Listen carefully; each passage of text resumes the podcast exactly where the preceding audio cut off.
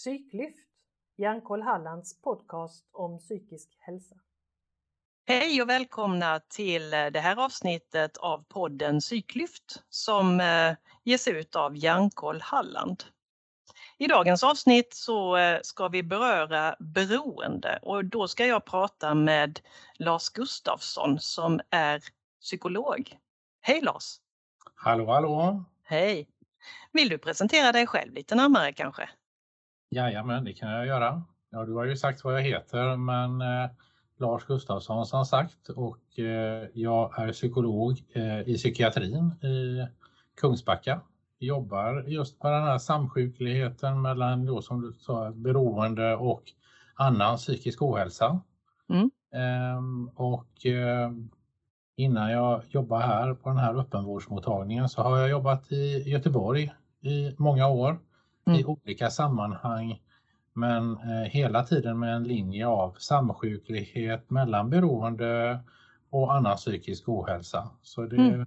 det är min grund helt enkelt och det är det jag mm. jobbar dagligdags med. Mm. Ja. Om jag börjar med att ställa frågan till dig, vad är beroende? Ja, där det, det blir ju en, det, kan, det, är en fråga som man kan svara på på många plan. Men det, det finns ju först och främst ett, ett, medicinskt plan för att om vi rör oss med de typerna av definitioner som, som är i, i, i det medicinska så är ju ett beroende någonting eh, som vi har svårt att avsluta. Vi har svårt att, att liksom värja oss från. Eh, och där vi kanske eh, dessutom, om vi inte gör det, så mår vi på olika sätt fysiskt eller psykiskt dåligt. Det är också någonting eh, som över tid kanske kräver att jag gör mer av. Jag tar mer av en drog eller jag gör mer av ett beteende. Eh, sen finns det ju en, en lägre nivå på det här som kallas skadligt bruk. Eh, och där har man oftast inte så mycket konsekvenser i form av att hjärnan och kroppen har anpassat sig ännu. Man gör saker som man vet inte är bra i skadligt bruk. Mm. Men de här kroppsliga och kognitiva påverkan har kanske inte kommit till på samma sätt som i ett beroende. Mm. Och det är ju egentligen den medicinska benämningen men sen så har du ju beroende det flyter ju runt i, i samhället på så många olika sätt när man liksom pratar om det. Eh, så där finns det ju jättemånga tolkningar av vad ett beroende är och där får man nästan undersöka i olika tillfällen. Vad menar du när du säger det hos dem man pratar med? För det mm. kan ju vara på en socialtjänst eller i ett familjesammanhang eller är jag beroende av kaffe? Det är ju mm. vanlig mm. drog här. Eller så är det ju också någonting vanligt socialt. Men vad, vad innebär det och hur mycket liksom lägger vi i det? Mm. Men, men de här sakerna som först är de medicinska bedömningarna som, som ligger till grund för om man kommer in på sjukhus eller får behandling. Mm, mm. Och jag skulle vilja hänga kvar i, i den tråden en liten stund då, för du sa flera intressanta saker där. Men eh, först bara, va, vilken typ av beroende är det vi pratar om? För du nämnde både beteende och substanser här då. Jobbar du med båda typerna av beroende? Um, ja, jag, jag jobbar ju i huvudsak med substanser. Det är, mm. ju, ju alkohol och droger på olika sätt. Mm. Uh, beteenden kan ju bli uh, problematiska på den nivån så att man i psykiatrin hamnar man ju in på att då blir de ju ibland benämnda som tvångsmässighet.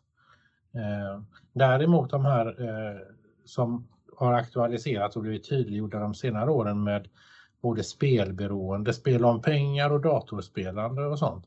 Mm. De jobbar jag inte med. Nej. Utan det är framförallt substanser som... Framförallt som, substanser. Ja. Mm.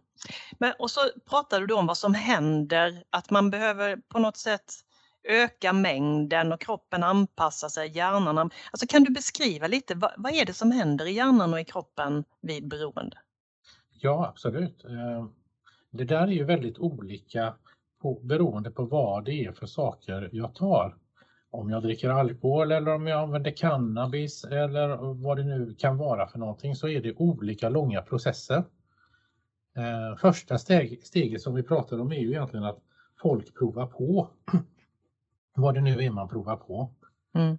Eh, beroende på eh, hur känslig jag är och hur stark drogen eller vad det nu är jag provar på är så, så kan jag få olika effekter. Mm.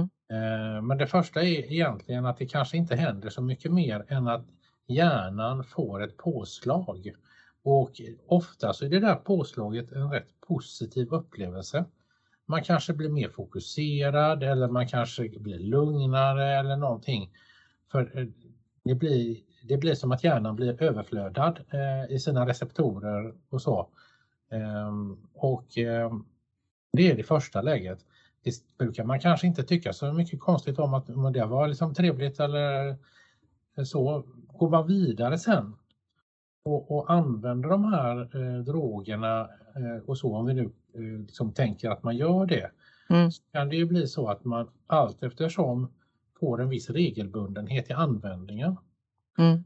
Så länge jag har kontroll över den användningen och kan säga att nej men nu tar jag inte mer eller någonting så kallar vi det där för ett riskbruk. Man har ändå en viss kontroll över det och då är det inte så att hjärnan har blivit kidnappad på något sätt. Eller Nej. något. Men så småningom så är det ju så att om jag fortsätter med en viss regelbundenhet med substanser så är det ju så att varje gång jag stoppar i mig något så kommer hjärnan att reagera på det här. Mm. Det är som att hjärnan, man kan säga att hjärnan får en stressreaktion. För att det blir, det blir för mycket av det goda. Mm. Och det gör hjärnan stressad. Jag upplever inte det som person, men hjärnan blir stressad. Och då kommer hjärnan att reglera ner sina receptorer Okej. och sin tillgänglighet för det här. Och då kommer jag att märka att jag kanske inte riktigt får samma effekt längre Mm. av det jag tog. Mm. Eh, och där kan man, då kan man se att allt över, över tid så kan man då hamna då i att oj då, nu, jag märker att jag har vant mig. Det är det som Mm. kallas tillvänjning. Mm. Eh, och då finns det ju en risk att jag dricker ett extra glas eller två eller Mm. jag tar en extra tablett eller två eller någonting för att uppnå samma effekt. Mm. Eh, Och då börjar vi komma in på eh, att ett skadligt bruk och ett beroende att tar jag droger då så kanske det är så att jag tippar över också i min egen regleringsförmåga. Hjärnan stoppar i sig ännu mer preparat som jag då får i mig och det kan jag ju hamna att jag brister i olika bedömningar. Mm. Jag blir för full eller jag, blir för, jag kan bli psykotisk eller vad jag nu får för ehm, påslag av det här som jag inte ville ha. Och då kan jag göra olika riskabla saker. Jag kan skada mig själv eller någon annan eller spela bort pengar eller vad jag nu gör. Mm. Då är vi inne i det som kallas ett skadligt bruk. Mm. Och då är det ju så att då får det typer av konsekvenser Mm. eh, för mig. Som, som är, ofta är de ju sociala runt om att folk säger till mig olika saker.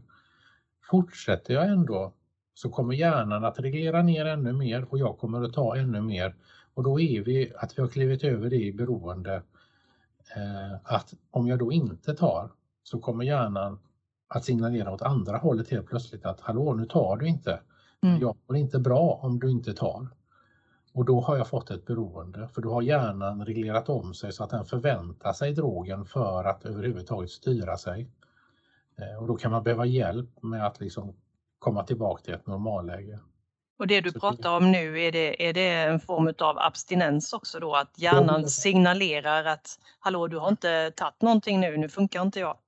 Ja, eftersom hjärnan då som jag sa att när jag, när jag ger hjärnan för mycket av det goda då kommer den att reglera ner sin egen funktion. Mm. Och Det innebär att fortsätter jag i den ändan så kommer ju till slut hjärnans egna funktioner för att tillhandahålla det goda kommer ju vara nästintill avstängda. Mm. Och då är jag ju, förlitar jag ju mig på att tillföra detta utifrån. Mm. Och när jag då, och kanske i något läge inte tar, då kommer ju inte hjärnan automatiskt att köra igång sina system Nej. Och då mår man dåligt. Mm. Jag får en sån där fundering i skallen då. Man kan ju vara beroende utav mycket olika saker egentligen. Man kan vara arbetsnarkoman kan man vara och man kan vara träningsberoende och sådär. Skulle man kunna ersätta substanser med någonting som kanske, alltså någon annan typ utav beroende eller det, det funkar inte? Är det samma mekanismer? delvis, alltså att har, men har du väl, har du väl eh, på något sätt eh, nedreglerat ett dopaminsystem, ett opiatsystem eller vilket, vad det beror ju på vad du tar för substanser, men vilket system du har varit inne och, och kompenserat för och gjort den här nedregleringen så, så, så har du ju gjort det och det, det, behöver man ju hantera. Men det kan ju också vara så att om man tänker från början, vad var det som gjorde att jag tog den här cannabisen eller de här tabletterna eller den här alkoholen? Det var någonting i mitt mående som jag inte stod ut med kanske eller någonting jag ville förbättra eller vad det nu var. För att oftast så är det ju så att det finns en samsjuklighet på något sätt vill jag reglera no någonting annat med de här substanserna i mitt mående eller någonting annat och, och då tar jag till kanske alkohol eller, eller droger eh, för den regleringen. Men det går, ju lika, det går ju lika väl att säga att jag skiftar för att målet är ju att jag vill inte ha min grundproblematik. Mm. Jag kan lika gärna skifta in i att arbeta extra mycket, träna mm. extra mycket. Att jag kan, för att det handlar om att skifta fokus från mm. det som gjorde att jag mådde dåligt från början. Där är ju alkohol eller tabletter en, en lösningsmetod. Mm. Men de andra är ju absolut, precis som du säger, de är andra lösningsmetoder för samma grundproblem och där är det ju rätt viktigt att man försöker förstå när någon ska sluta med droger eller alkohol eller vad det är. Vad det var man egentligen försökte lösa. De flesta människor jag träffar är väldigt funktionella. De har liksom inte börjat med alkohol eller tabletter eller andra droger på något sätt för att riskera eh, sin hälsa utan de försökte lösa ett problem. Det var mm. funktionellt ett tag. Mm. Men sen slutade det vara funktionellt och då hade man svårt att hantera det. Mm. Och där kanske man, tänker jag, behöver vara observant också så att man inte ersätter ett beroende med något annat som kanske är inom citationstecken då mer socialt accepterat. För att jobba känns väl socialt och att träna är ju någonting som ska vara hälsosamt men det kan ju kanske då vara lika skadligt i, i det långa loppet. Det kan absolut vara skadligt. Vi har ju till och med en diagnos i medicinen som heter ortorexi. Liksom att det är ju det här alltså att man som sjukligt tränande då, att man håller regleringen på sin träning och sin kropp på en nivå som faktiskt gör att man ändå inte fungerar. Mm. Vi har de här andra formerna av att man kanske väljer att dataspela eller annat mm. dygnet om mm. som en annan distraktion. Eh, och, och, det har vi också eh, problem och där finns det ju mottagningar. Det finns ju en spelberoendemottagning i Göteborg nu som jobbar i och för sig med, med det kanske spel om pengar mer men, eh, men de här typerna av mottagningar. Och vi har ju de här människorna som drabbas av olika typer av utmattnings eh, och stressreaktioner. Mm.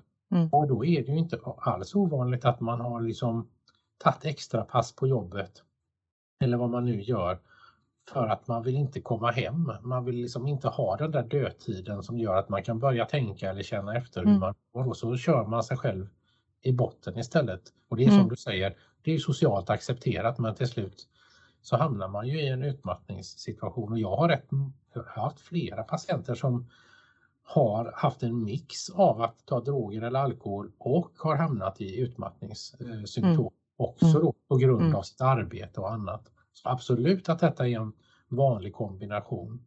Mm. De som kommer till dig med, med ett beroende, vad är det för problem som får dem att komma till dig? Alltså, när, vad, vad är det de vill ha hjälp med? Vad, vad ser du när de kommer? Ja, de, det, det, är ju en oerhört mångfacetterad eh, historia men ett, ett område är ju att man har tappat sin sociala struktur. Man har tappat sin ekonomi, man kanske har tappat sin bostad eller man har tappat sitt jobb, man har inte pengar. Eh, samtidigt då som man har den här beroendeproblematiken.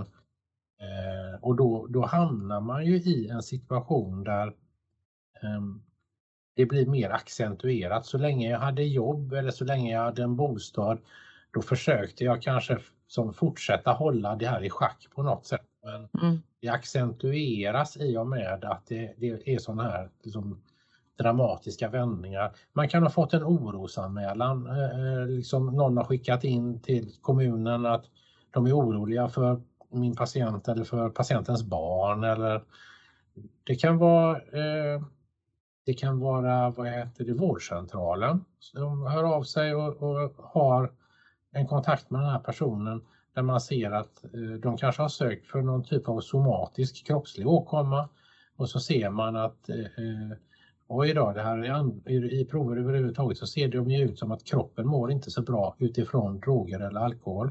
Mm. Och så börjar man nysta i det här och oftast är det ju då att när de där kontakterna kommer så kommer de ju nästan alltid med med en depression eller med en ångestproblematik eller med eh, um, någon typ av neuropsykiatrisk problematik som inte är tagen om hand eller som inte är hjälpt eller som inte är utredd för att man har kanske dragit sig för att söka hjälp och själv försökt lösa det med alkoholen eller drogerna. Mm. Alternativt så har man blivit nekad hjälp för att man har haft alkohol eller droger som, ja men du får liksom inte, du får sluta med alkohol eller, eller drogerna om vi ska hjälpa dig med de här problemen. Mm. Eh, på olika sätt så har de blivit motade mm. Eh, och inte fått den hjälp de kanske hade behövt tidigare eller att man inte har vågat söka för att det ligger ju det ligger ju en hel del skam kring det här med att kanske inte klara av alkoholen eller att, eh, att folk får reda på att man tar droger eller för mycket tabletter. Mm. Och jag läste eh, någon statistik om det här att bland unga tror jag det var så är det ungefär 20 procent, jag tror det var upp till 30 år eller någonting, så är det ungefär 20 procent som söker hjälp. För att det är så mycket förknippat med skam och skuld. Och kanske också då för att man vet att ja, men jag, har, eh, jag vet någon som har sökt och de fick ändå ingen hjälp och så. Eh, så att jag kan ju lätt föreställa mig att när man väl kommer till vården och får hjälp så har det hunnit bli väldigt mycket problematik för man har kommit ganska långt in i, i ja, vad ska man säga, beroendeproblemen. Hur skulle man kunna göra för att minska stigma och, och ja, våga söka tidigare, att få människor att faktiskt eh, ta, ta eh, steget över tröskeln till vården tidigare? Ja, det är en väldigt, väldigt bra fråga. Eh, hade jag haft hade jag svar på den så, så hade, då hade jag varit oerhört glad. Det här är ett stort problem. Och, och en del av problemet tror jag handlar om hur vi i vården över tid har bemött de här personerna. För att sätta det lite i perspektiv så kan man säga att Socialstyrelsen utfärdar ju nationella riktlinjer för olika typer av vårdområden och har gjort så rätt länge. Ehm, och då kan man ju fundera på det här med ett beroende och så, det är ju inga nyheter. Men första gången vi fick riktlinjer, nationella riktlinjer beroende var 2007. Mm. Så innan dess, eh, och det är ju inte mer än, det är ju inte mer än vad har vi? Det är 15 år sedan. Mm. Eh, eh, det är första gången vi får de nationella riktlinjerna i Sverige. Och då ska det sen börjas arbetas ut, förstås, man ska få ett gemensamt språkbruk och allt sånt. Så i, i sjukvårdssammanhang och så, så är även om det har funnits utredningar och rekommendationer och så tidigt så har det inte funnits de här samlade nationella riktlinjerna från 2007. Och mm. Det tror jag spelar roll i samhällets mognad, mm. hur man ser på personer med de här problemen. Mm. Och Sen kan man till det säga då om vi går till Halland så kan man säga att det är 2015 som man för första gången skriver riktlinjer och etablerar en, en vårdorganisation i regionen för beroendevård. Mm. Det har liksom inte funnits liksom som ett eget fokus tidigare utan har varit en del av den vanliga vården. Mm. Eh, så att men då såg man ju då att men vi behöver göra en satsning här men det är ju bara sju år sedan. Mm. Så den här, eh, om vi ska ta mognads, mognadsprocessen i både i regionen som en arbetsgivare i sjukvård men också kring kommuner och medborgare alltihopa så är detta en det är, en, det är en relativt ny process i, i, i, att vi ser det på det sättet som vi ser det. Tidigare mm. har det varit mycket mer liksom att eh, nu får du skärpa dig och sluta med de här sakerna och det är ditt eget ansvar och så vidare. Eh, men detta är ju faktiskt en, eh, det är ju faktiskt klassat som en sjukdom mm. och en, eh, och en, återkommande sjukdom där det finns risk för att man ska kunna få det som en kronisk sjukdom också. Mm. Och, och, att faktiskt liksom se det som en sjukdom som jag behöver få hjälp med, det är ju, det är ju inte liksom helt enkelt. Nej, precis. Fortsättning följer. Missa inte nästa avsnitt.